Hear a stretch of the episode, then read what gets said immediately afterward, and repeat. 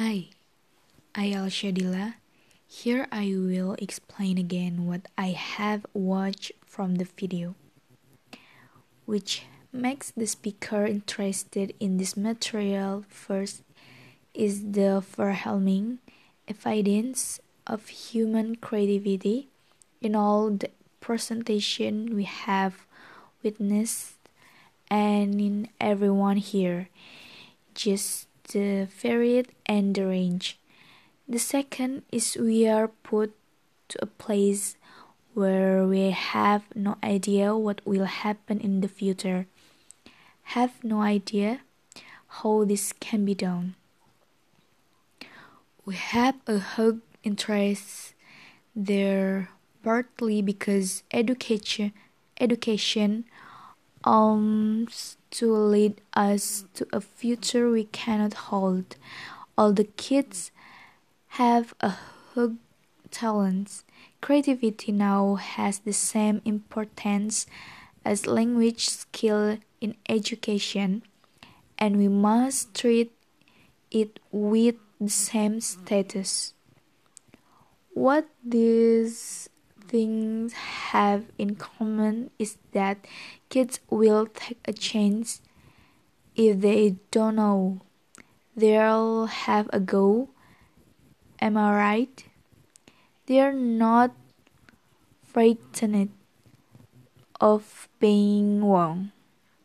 I don't mean to say that being wrong is this is the same thing as being creative.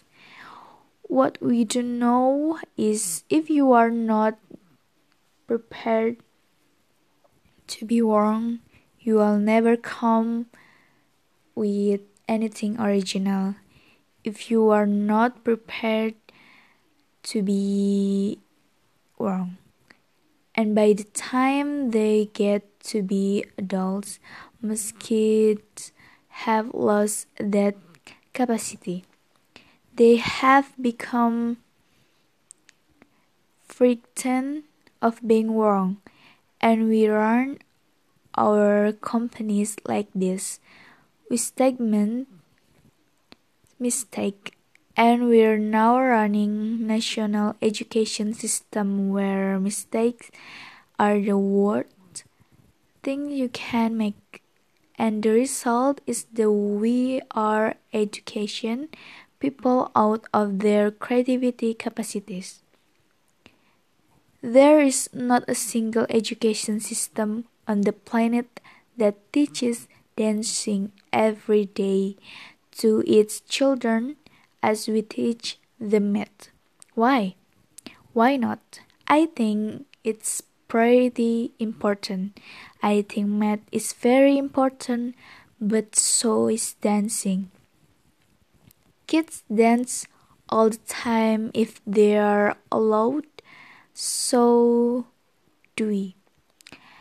And the only way we do that is by looking at our creative capacity in terms of how rich they are and seeing our children with the acceptation they have and our job is to educate them as a whole so that they can face the future.